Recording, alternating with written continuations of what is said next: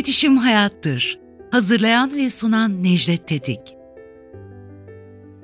İletişim Hayattır'a hoş geldiniz. Ben Necdet Tetik. Her hafta sizlerle sonsuz bir dünya olan iletişime dair, hayata dair konuları, sorunları ve çözümlerini paylaşacağım.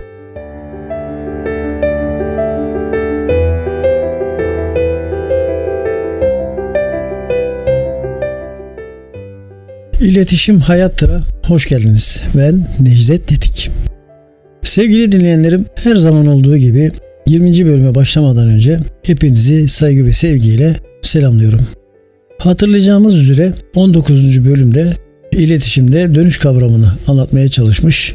Hatta rahmetli Süleyman Demirel'in küçük bir anekdotuyla tamamlamıştık. Geri kalan kısmı da 20. bölümde devam edeceğimizi söylemiştik. O halde bıraktığımız yerden devam edelim. Şimdi iletişimde dönüş biraz keyfiyete dayalı bir eylemdir. Yani iletişime konu olan, kendi halini arz eden kişi ile muhatabı arasında genellikle muhatabın keyfiyetine kalmış bir eylemdir. Şimdi zaten bundan önceki bölümde bu dönüş kısmını anlatırken şöyle bir cümle kurmuştum. Bundan sonra anlatacağımız iletişim tamamen kişiler arası iletişim olarak algılanmalı. Yani burada mesajı veren, mesajı alan, dönüşü yapan ya da yapmayan tamamen kişilerdir.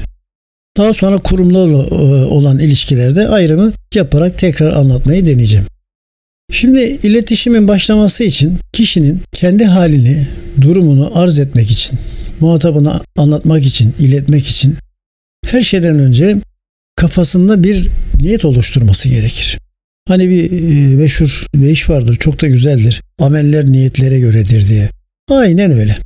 Herhangi bir şey anlatacağımız zaman bir niyet kafamızda oluşuyor. Sonra bu niyeti düşünce yoluyla şekillendirmeye başlıyoruz. Yani şöyle bir talebimiz, şöyle bir isteğimiz ya da şöyle bir durumumuz, bilgimiz var ve biz bunu filanca kişiye işte muhatabımıza anlatmaya niyet ettik. Ama şöyle mi anlatalım, böyle mi anlatalım, şöyle mi yazalım, böyle mi çizelim? Neticede bir niyetin düşünceden eyleme dönüşmesi. Yani akademik dille söylenirse ileti haline getirilmesi, günlük konuşma dilinde mesaj haline getirilmesi. Mesajın karşı tarafa aktarılması iletişimin ilk ayağı oluyor. Şimdi mesajı yani ileti mesaj olarak düşünelim niyetlenip aktarmak istediğimiz konuyu şekillendirdik, mesaj haline getirdik. Bunu ilk bölümlerde söylediğim, anlatmaya çalıştığım şey gibi iletişimin değişik araçlarıyla aktarmak durumundayız. Yani bu sözlü olur, görüntülü olur, yazılı olur, işaretli olur, efendim işaret diliyle olur ve ışıkla olur. Dediğim gibi yapılış çeşitlerine göre mesajın aktarılması var. Mesajı aktardık. Mesaj oluştu. Karşı tarafa ulaştığını kabul edelim. Çünkü ulaşmadıktan sonra dönüş yine olmaz. Burada kastedilen dönüş mesajın ulaştıktan sonraki hali. Muhatabımıza ulaştı karşı tarafa. Şimdi burada karşı tarafın mesajı cevaplandırması dönüşün bir kısmıdır.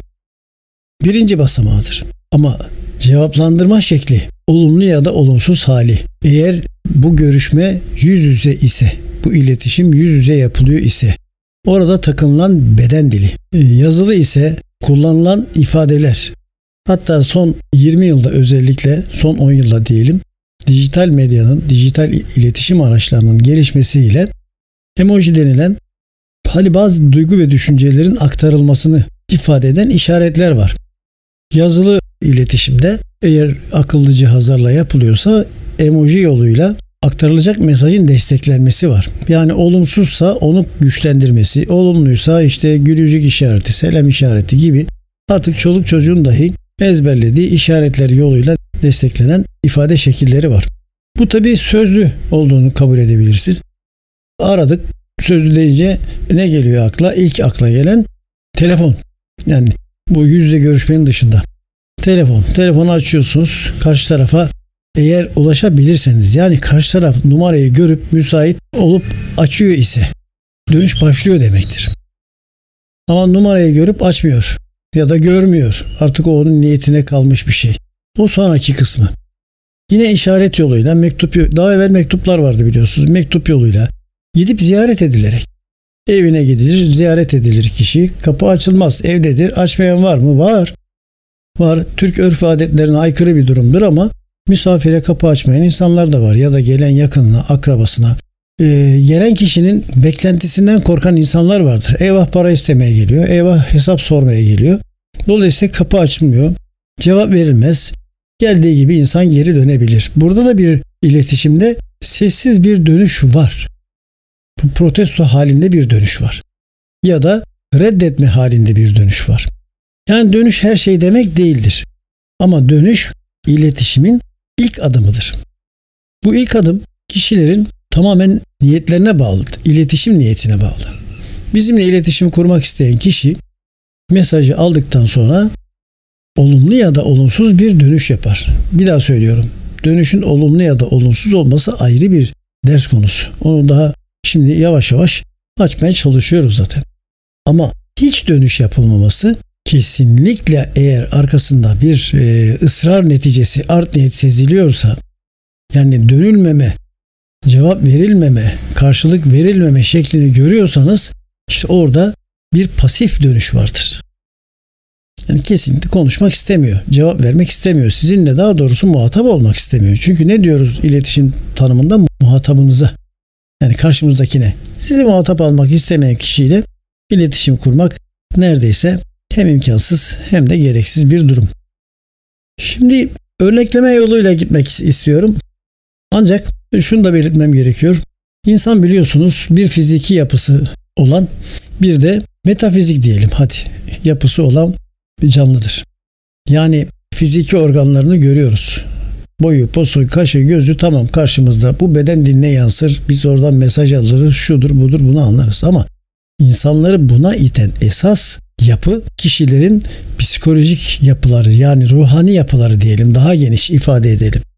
Çünkü biz insanlar gün içinde yaşanabilecek her türlü duyguyu yaşıyoruz.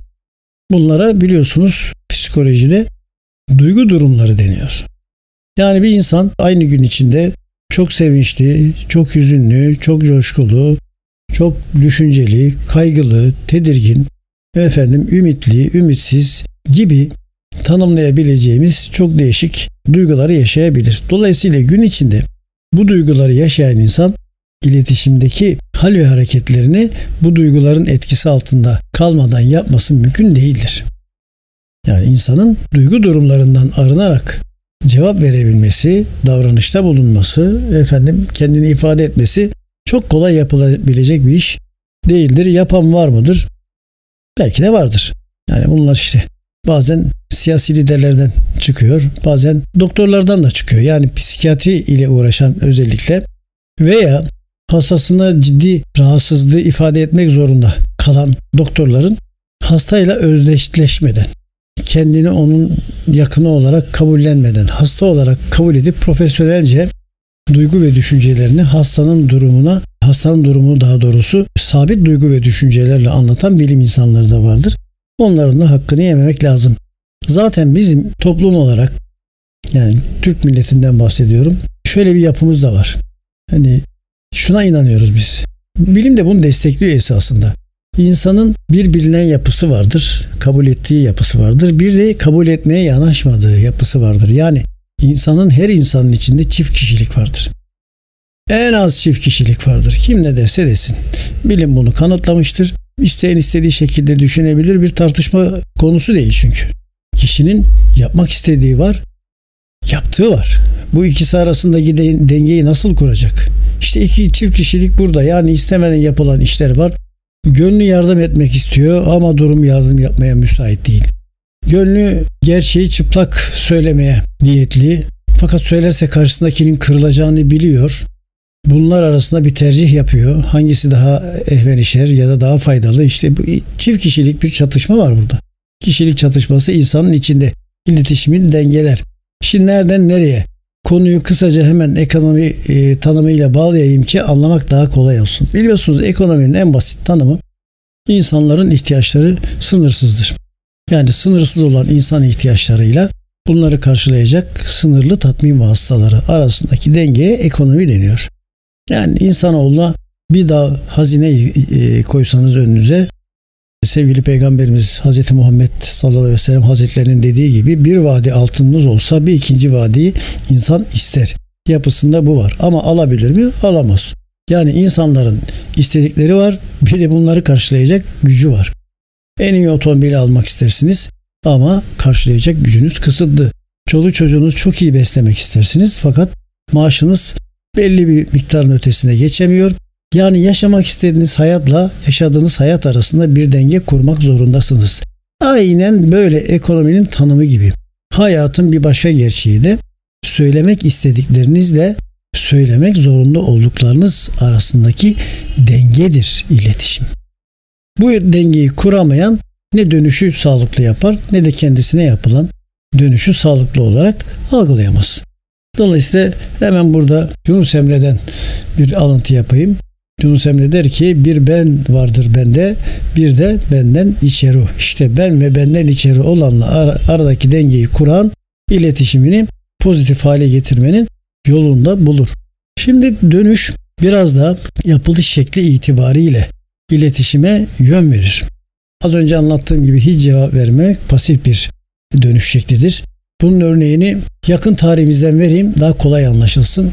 1974 Kıbrıs Barış Harekatı'nın yapıldığı sabahın gecesinde yani 19 Temmuz gecesinde o günkü Amerikan Dışişleri Bakanı Henry Kissinger rahmetli Başbakanımız Bülent Ecevit'i tam 6 kez aramıştır. Harekatın yapılacağını fark ettikleri andan itibaren özel temsilcisi Joseph Sisko Ankara'dayken ve başbakanla görüşme halindeyken 6 kez aradığını, ulaşamadığını kendi hatıralarında söylüyor. Bunu Mehmet Ali Birand'ın kitabında da var Kıbrıs Barış Harekatı ile ilgili.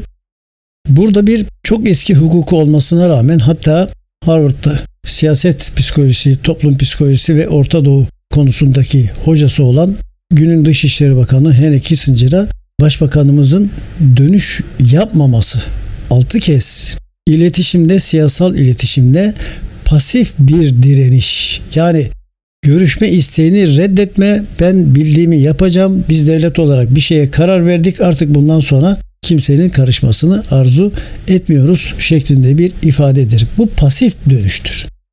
Bunu günlük hayata uyguladığımız zaman kişiler arasında şimdi evdeki hayatımıza dönelim. Çok basit. İnsanın ilk mekanı en samimi, kendini en rahat hissettiği, en özgür hissettiği mekanı evidir. Dolayısıyla en yakınları da ailesidir. Aile içerisinde çekirdek bir aileden bahsediyoruz. Yani çocuğunuzun size seslendiği zaman herhangi bir sebepten ötürü ona cevap vermemek gibi bir lüksünüz yok. Yani ona dönüş yapmamak gibi bir lüksünüz yok. Neden? Çünkü evladınız aile bireyi bir sıkıntısı var, bir durumunu size arz edecek. Tam da iletişimin tanımı gibi. Keza sizin seslendiğinizde de onların yok. Bunu hep böyle karşılıklı düşünün. Yani biz dönüşü karşı taraftan bekliyoruz ama bize yapılan ifadelerde de bizim bir dönüş yapma şeklimiz var. Bunun pozitif olması için yani ayrı bir gayret sarf etmek gerekmiyor. Sadece anlatılanı anlamak ve iyi niyetle cevaplandırmak kafidir. Dolayısıyla aileyi genişleterek, aile içindeki iletişimi genişleterek yavaş yavaş e işte evden çıkıyorsunuz. Ulaşım araçlarına, otobüste, toplu ulaşımla veya aracınızla bir yere gidiyorsunuz, işe gidiyorsunuz, hastaneye gidiyorsunuz, efendim eğlenceye gidiyorsunuz. Neticede sosyal bir varlık olduğumuz için bir toplumun içine giriyoruz. Burada dönüşün asıl maksadı kişinin muhatabı tarafından dikkate alınmasıyla ilgilidir. Yani kişi sizi dikkate alıp cevap vermediği zaman kendinizi değersiz hissediyorsunuz. Hiç elinizde olmadan bir gerginlik, bir sinirlenme, talebinizi tekrarlama ihtiyacı doğuyor. Bu da iletişimin yapısına uygun ama insan yapısının birebir ifadesidir. Dolayısıyla şimdi biz hep dönüşü karşı taraftan beklediğimiz için onu anlatmaya çalışıyorum. Dönüş iletişimin tamamı değildir. Sadece bir adımıdır. Eğer olumlu olursa iletişim başlar. Olumsuz olursa iletişim kısmen tamamlanır. Bu dediğim gibi sözlü ve yüz yüze olmayan bir iletişimde geçerli. Yüz yüze olan iletişimde karşınızdakine hal hatır soruyorsunuz, cevap almıyorsunuz. Ya da nasılsın diyorsunuz, eh diyor kafasını çeviriyor. Seninle konuşurken telefona bakıyor. Bakın bunların hepsi bir dönüş şeklidir. İletişime karşılık verme şeklidir. Bu bakımdan bu konuları yani iletişim konusunu incelerken önce kendimizi teraziye koymamız, daha sonra karşı tarafa kendimizi nasıl arz etmemiz gerektiğine karar vermemiz, usulüyle kendimizi ifade etmemiz ve karşı taraftan da dönüş beklememiz gerekiyor. Tersi durumlar zaten her zaman çift taraflıdır bu. Biliyoruz fizikte bir kural vardır. Meşhur bir fizik kuralı vardır. Her etki bir tepki oluşturur. Doğada, tabiatta mutlaka her etkinin bir karşılığı vardır, tepkisi vardır.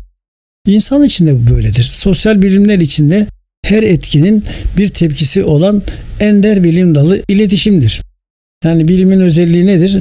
Deney yoluyla gözlem yapmak için tekrarlanabilir şartların oluşturulması bilimin esasıdır. Fizik kuralları aynı şartlar bir araya getirilir, deney tekrar tekrar yapılır. Ama sosyal bilimlerde şartları bir araya getirmek neredeyse imkansızdır. Yani tarihi bir olayı tekrar bugün yaşatmak için aynı savaşı bugün yaptıramazsınız. İletişim bunların dışında bir bilim dalıdır. İletişimde tekrarlama şansınız var. Taklit yoluyla yapılan eylemleri, söz ve davranışları olumlu olumsuz ayırmak için birebir taklit etme şansınız var. En azından kayıt altına alıp tekrar tekrar çözümleme şansınız var. İletişimin böyle bir artısı var. Biz bunu geriye kadar yapıyor muyuz, yapmıyor muyuz? Tabii o da ayrı mesele.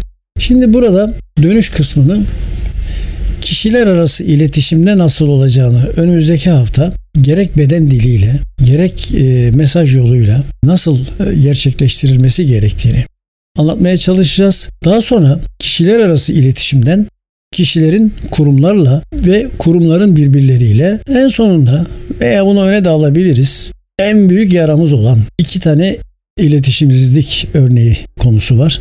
Onları anlatmaya çalışacağız. Bunlardan birisi kişilerin devlet ile olan iletişiminde cevap alamayışı. İkincisi kişilerin siyasal iletişimde siyasetçilerin dönüşünü sağlayamamalarıdır.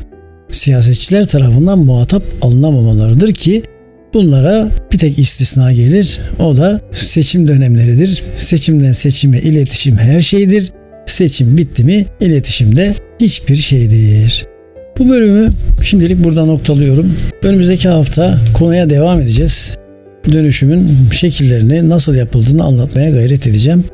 Hepinizi bana zaman ayırıp dinlediğiniz için tekrar tekrar saygıyla selamlıyorum. Huzurlu günler, sağlıklı günler diliyorum. Hoşçakalınız.